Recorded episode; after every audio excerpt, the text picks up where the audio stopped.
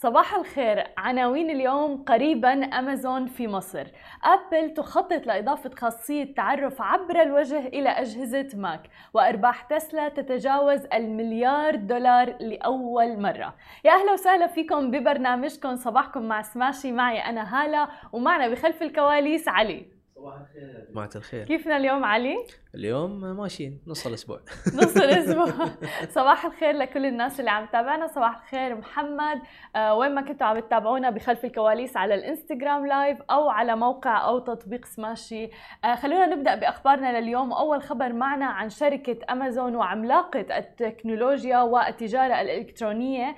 أعلنت عن الموعد الرسمي لإطلاق موقعها الإلكتروني في مصر. ويمكن لكافة رواد الأعمال وأيضا الشركات المحلية المصرية تسجيل رغبتهم بالانضمام لعالم أمازون بدءا من يوم أمس. ويمكن أيضا للشركات المصرية التعامل مع مركز أمازون لشركاء البيع وهي الأداة اللي بتتعامل مع البائعين وتختص أيضا بمتابعة العمل معهم وكانت أمازون مسبقا تتعامل مع عملائها في مصر طبعا من خلال موقع سوق دوت كوم وهو إحدى الشركات التابعة لأمازون. الآن سينضم لها المزيد من العملاء الجدد ويمكن أيضا للبائعين القدامى على سوق دوت كوم الوصول إلى حساباتهم من خلال أمازون سيلر واللي هي طبعا لتجربة الميزات الجديدة وبيتعرفوا على الموقع الجديد اللي رح يتعاملوا من خلاله مع الراغبين في شراء منتجاتهم من كل أنحاء الجمهورية.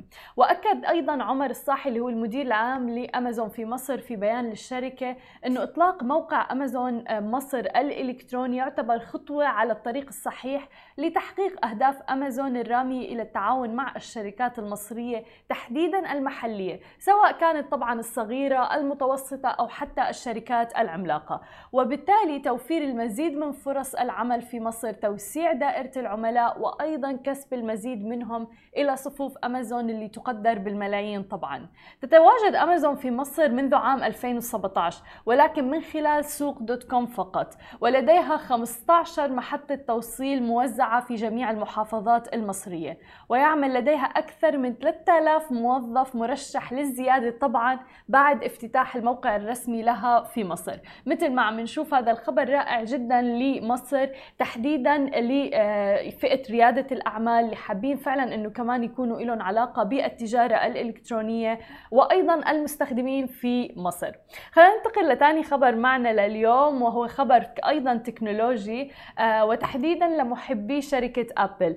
الآن قال موقع ماك رومرز إنه شركة أبل عم بتخطط لإضافة خاصية التعرف على الوجه طبعا المعروفة باسم فيس اي دي إلى أجهزة حواسيب ماك اللي بتنتجها الشركة. نحن مثل ما متعودين إنه الفيس اي دي موجود على التليفون. الواحد لما بيمسك التليفون الخاص فيه أو الآيفون تحديدا بيتعرف من خلاف من خلال الوجه. ولكن آه هذا الشيء راح يصير على أجهزة الماك من خلال العامين المقبلين. ونقل الموقع أيضا هذه الأنباء عن الصحفي المعروف مارك جيرمان في شبكة بلومبرج واللي أعرب عن اعتقاده بأنه أبل تهدف إلى إضافة خاصية التعرف على الوجه إلى جميع منتجاتها. بما في ذلك هواتف آيفون الأساسية غير الرائدة مثل مثلا اس اي وكذلك ايباد اير واللي بتدعم خاصية التعرف باللمس فقط ولكن راح تصير بالفيس آي دي أيضا. وقال أيضا أنه خاصية اللمس ستبقى جزء مهم من منتجات أبل خصوصا بالنسبة للموديلات الأساسية وذلك لأنها بديل غير مكلف عن خاصية الفيس آي دي مع استمرار أيضا تقديم الحماية الأمنية للمستخدمين.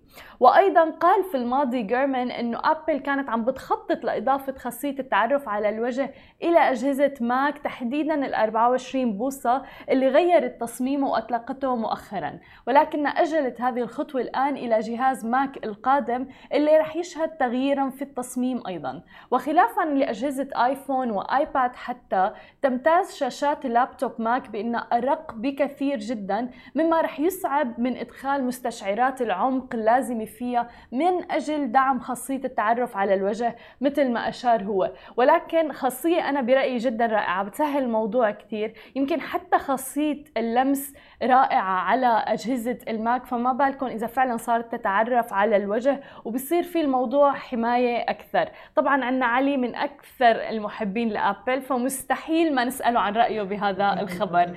علي من دون يعني تحيز. خبرنا شو رأيك؟ مستانس مستانس عن فيس اي دي على يعني يعني حق ال- الدقيقة أو أو الثواني اللي أنا أست يعني أستعملهم عشان أحط الباسورد راحت. خلال إيه خلال إيه راحت خلاص. يعني أقدر أستغل الفرصة انه خلاص أدش على اللابتوب وأدش على الاي ماك على السريع. تماما. ف فشيء يعني I'm looking forward يعني دائما. بيشتغلوا ابل على الكونفينينس وقد إيه سهولة بالضبط. التعامل مع منتجاتهم يعني آه وأيضا هي نوع من أنواع الحماية ما فينا ننسى آه مم. هذا الجانب أيضا آه بس تخيل عن جد إنه الماك تبعك قد إيه رح يغير الموضوع إنك تصير تفتحه من خلال الفيس آي دي إيه بس أنا أول ما أقعد على على على على الكرسي؟ خلاص سيدة. تماما. ولكن إذا حدا ممكن أيضا بده يستخدمه غيرك فممكن من خلال الباسورد اللي. أنت بتعطيها.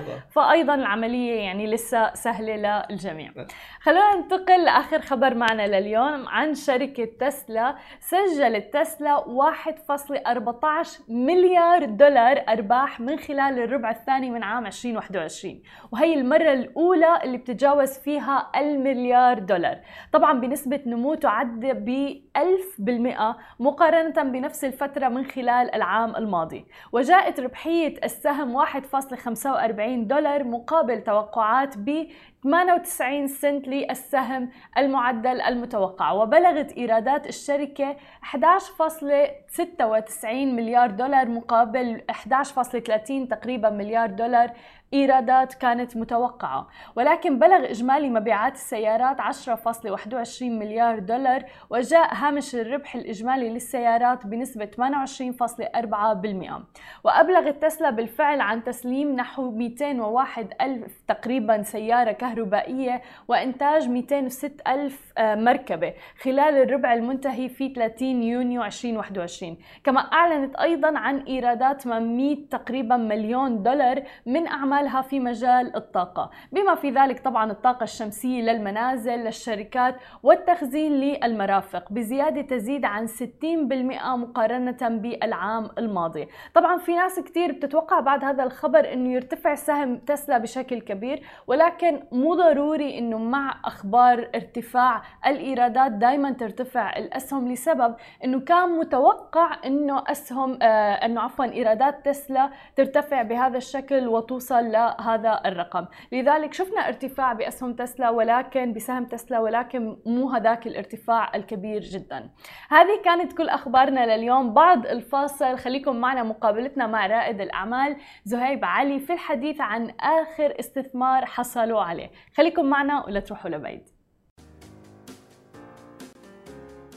ورجعنا لكم من جديد ومعنا ضيفنا لليوم زهيب علي الشريك المؤسس لشركة دستجر هاي زهيب how are you? Hi, I'm good. How are you? Thank you very much for having me on this. uh, Thank you for event. being with us. We would like to know first like a brief about the company and introduction, what services you guys provide. Yeah, so Dastgyr is a B2B marketplace that connects small retailers with manufacturers and suppliers uh, throughout Pakistan's two largest cities, which is Lahore and Karachi. Um, and how does it work is, you know, every retailer, over 35,000 retailers on our platform, use our application to order anything in their store. So imagine us as um, the, the Amazon for store owners, whereby they can click, order, and get on demand delivery with embedded finance. Interesting. And recently you've got a funding of $3.5 million. Congrats on that. Can you tell us more about this round? Yep. Um, thank you very much. Um, yeah. So uh, we began our seed round back in um, back in December, and then um, you know we're we're quick to raise our initial um, initial commitment for the seed round, and then you know quite recently closed with the, with the with all of the legal documents. Um, yeah, and quite um, quite excited to have new partners join us uh, in this journey, um, specifically um, Asian Development Bank Ventures. That's that's their first investment in Pakistan. Edgebrook Partners. That's their first investment in Pakistan. And so now we're seeing a lot of interest in, in Pakistan, in this region, uh, by a lot of some quality investors, we, we would term them, um, as now probably this is the hottest region um, or the country in, in, this, in this region right now. Nice. And what are the plans of the investment? Yeah, so um, the the the funds were basically raised for for expansion into into into one financial embeddedness and to you know expanding our core marketplace, which includes you know both um, the marketplace logistics, um, generally to serve retailers faster, better, and with more SKUs. Right. So we're currently leading with more than 2,000 SKUs on our platform. Um, and that's where, you know, on average, um, if you happen to visit a local Kiriana store, as we call it, um, we would expect roughly 4,000 SKUs in, in the shop. So currently, you know, we're just halfway there, um, keeping in mind the average, and there's a long way to go. And that's where the funds will primarily be used um, for going deeper into into the wallet share of, of, of our retailers, as well as providing them with financial embeddedness, such as buy now, pay later. Nice. And any plans like to go uh, more than Pakistan, geographically speaking? So that's an interesting question. We do not have a very clear point of view on that um, as of right now. Um, but interestingly, we do have um, four different um, uh, cities that we've earmarked. Um, again, we're closely watching the market. I do not believe that um, it is the right time for us to expand internationally. Um, maybe by Q3, Q4 of 2022. Um, but we're doing our preliminary homework just to make sure that, you know, whatever experiments we need to run in that new market, uh, whatever analysis we have to do, whatever homework we have to do, we're on top of that to make an informed decision. Um, generally, we would, uh, we are of the opinion that whatever we're building can be easily um, deployed in any other emerging economy. Um, um, and nice. that's where you know where supply chains are mostly fragmented um, and we're adding the most value and creating impact in the lives of these retailers and so what we're building is a playbook um, that can easily be replicated into any other emerging economy so to begin with you're always strong wherever you're based at your home. And once you kind of get hold of that playbook you can easily deploy that in, in other in other regions in other countries. And that's where we're currently you know, making some um, some some moves on on making our playbook more finesse, um, so that you know it's much more efficient uh, when we scale up internationally. And Zohaib, the startup scene in Pakistan is booming recently. So can you tell us more about the ecosystem and the startup scene in Pakistan? Yeah, so let me take you back to 2019. Um, I was coming back to Pakistan uh, from from London, um, and that's where the new government was coming in. Um, and that's where um, uh, um, a handful of, of, of good people started um, this company called Airlift, uh, which went on to raise, you know, Pakistan's largest Series A round. And I believe that's the turning point in Pakistan, whereby Airlift um, pioneered the way for new investors to come in and watch this market closely. Uh, we were building a decentralized mass transit system back then um, at Airlift, and that's where you know we were able to attract um, uh, major investments from first round capital, Quiet Capital, Shorooq Partners, mm-hmm. um, you know, and then that's where everything just changed. From then, um, COVID came in. We saw a lot of new startups raise more money. I think what has literally changed the game is um, Careem's involvement um, in building this ecosystem, right? So every time you see a new startup, it's either a founder that's coming back to Pakistan, yeah. or to he's a he's a he's a Careem alumni, right? Um, and that coupled up with Airlift's massive raise of over 25 million uh, before 2020, before the pandemic, that gave just more confidence because people could see Airlift competing with with the big boys as well as you know scaling up, executing really fast, and that's where people realized that okay, Pakistan is a big country it has over 240 million in population yep. and over 100 million in 4G connections. And being in this market, you know, you just can't go wrong. It's so so fra- fragmented in terms of technology that um, you open up any any new any new thing that's been working in other emerging economies. It's it's it's it's deemed to work in Pakistan, and that's where you know quite recently we see um, every single month, new investments being raised by new investors, uh, from new investors, by potentially some great founders. Um, and this is how we believe that you know uh, this is going to continue. Um, it's it's a wave that you know that's coming in. People can now see Pakistan, um, and thanks to all of the stakeholders uh, for enabling us uh, founders, you know, to ensure that we're executing fast. And throughout your journey, like, what is the most challenging part of it in uh, Dastgyr? Uh, that's that's interesting. A lot of things keep us up at night, um, and specifically if you're uh, building a hyper growth startup, um, it literally um, is is not easier to execute. Right. Um, one, um, it's always hard for early stage startups to um, to attract the right talent, whether that be tech or non-tech, and that's uh, you know that's something that a lot of people we've not seen in our kind of region take that that risk you know, of, of joining a startup. It's always risky, yeah. um, no matter even if you're a Series D or E company. But um, early on, it's even more riskier. And so, because the phenomena of, of not knowing how startups operate um, tends to, you know, keep a lot of good talent away from startups um, because they feel it it's very risky. Um, that's number one. Number two is generally at Dastgyr, we're building um, three startups all together.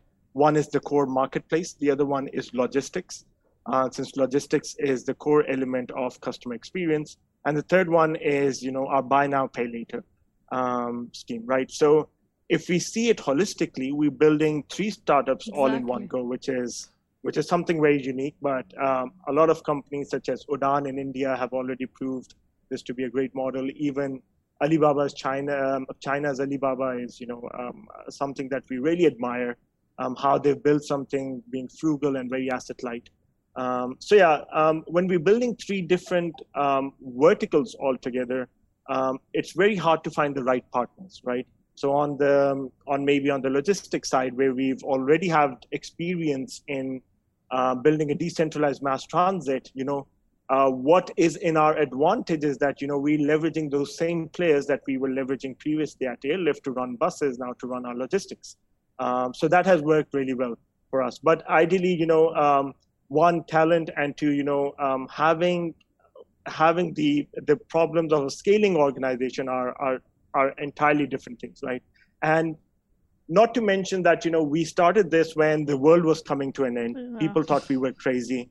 Um, and starting a company when uh, when you're not even allowed to leave your house and you get beaten up by the police for for leaving your house was a whole different challenge. Uh, this has only made us more resilient, um, has tested our perseverance to the limit. But now we're confident that you know if we can pull off something right in the midst of a, of a pandemic, when the world was coming to an end, we can technically do anything, and that's where. Uh, you know, uh, we, we, we're quite thankful to the early team members that joined in, took a massive risk, and now, you know, uh, we, we, we, we kind of creating that path to scalability across Pakistan. But wasn't the logistic part uh, challenging, especially during COVID and as you said, the restrictions? Yeah, so interestingly, um, we've been moving thousands of people um, from there from from one place to another at mm-hmm. Airlift, right? Um, moving people is much more complex than moving goods, right? So if if I was to be traveling somewhere and if uh, if my platform said that I have to be um, I, I, have to be standing at a specific stop, being a human myself, you know, I'd be I'd be moving around. Yeah. I'd I'd not be mindful of the time. And that's a bus coming, you know, it already already has 22 people in it, and I'm the 23rd, um, and it won't wait for me, right? True. But um, keeping that learnings in mind and this is where you know a lot of synergies have developed because what we're building um, is quite similar to what we've already built at Airlift, you know, which is a bus pooling service. Um, so when we were kind of launching, you know, we had already that mindset, that thought process of building the right technology uh, with the right partners um, to begin with. And the idea was that, you know, hey, if moving people is 10 times harder, um, this is probably going to be slightly Easy. easier yeah. uh, than moving uh, than moving people and moving goods is generally you know um, they can't move so yeah. uh, it's it's you have to pick them and load them up and unload them. So it, that's that's really worked for us. But I think if we did not have that experience of um, bus pooling, um, I think it would have been much much more different, much much more difficult, um, and w- it wouldn't have been um, an easier journey. But that's one of the reasons why we've been able to scale up super fast um, in a very less, you know, in, in, in about less than 11 months so far. And that's very interesting. You mentioned the team a couple of times. So, can you tell us how do you keep them motivated during those times? And especially you were like just launching the business and everything. Yeah, this is very interesting. So um, I'll, I'll give you an example. Um, so why does Harvard Business School produce the best candidates uh, for after MBA? You know, why are they placed in some amazing posts in financial industry or investment bank or any other industry, right? And why does INSEAD produce one of the best business students? The one simple trick behind that is to have um, the cohort that's coming in into that organization has to have a very strong intrinsic motivation right so if somebody was applying at Dastgyr and we have more than uh, 30 applications a day um, it's very hard to get into Dastgyr just because the process is so tight. The process is so evaluative that you know even if you kind of aced in one of the things um, you would not be able to ace in the other if you weren't an, a, a complete intrinsically motivated all-rounder right? Uh, that's where you know what we've learned that you know we've picked and choose every single person on our team. Today we're over 280 people and that's where a lot of um, uh, a lot of bandwidth of the founders have gone into into picking up the right team.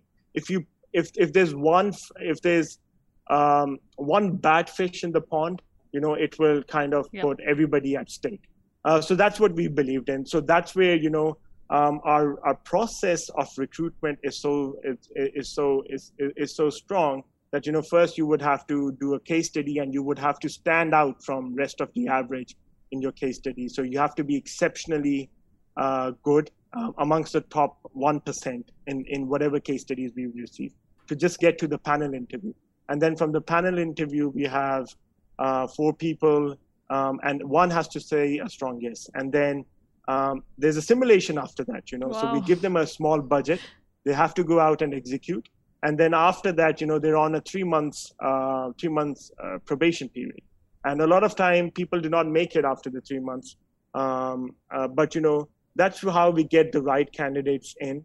Um, the the two things that we purely focus on in evaluating is one does he have the ability to execute at scale? Mhm. and two is he intrinsically motivated? And one of the best things that has worked for us is check if the candidate is open for an interview at 5 a.m in the morning if he is uh, that would be that that that just states that you know he really wants to work at this Wow. You do interviews at 5 a.m. in the morning. that's correct um, somewhere between 5 to 6 a.m Wow, that's a very interesting point. And how many people would show up for the 5 to 6? Almost 60% just um, say that hey it's too early for us Wow. and that's where we know okay if it's too early for them in an interview what happens when the when the house is burning Yeah. they they'd keep on sleeping right so that's where you know we respectfully decline of course we don't tell them that this was the reason uh, but you know generally that's, That's some of the ways on how to yeah how filter. to how to gauge intrinsic motivation yeah that's very interesting thank you so much zohaib and wish you best of luck in your company uh, co-founder of Dastgyr thank you so much for being with us Thank you very much for having me here and um, and look forward to speaking soon. For sure. شكرا كثير لكم لمتابعتكم انا بشوفكم بكره بنفس الموعد نهاركم سعيد جميعا.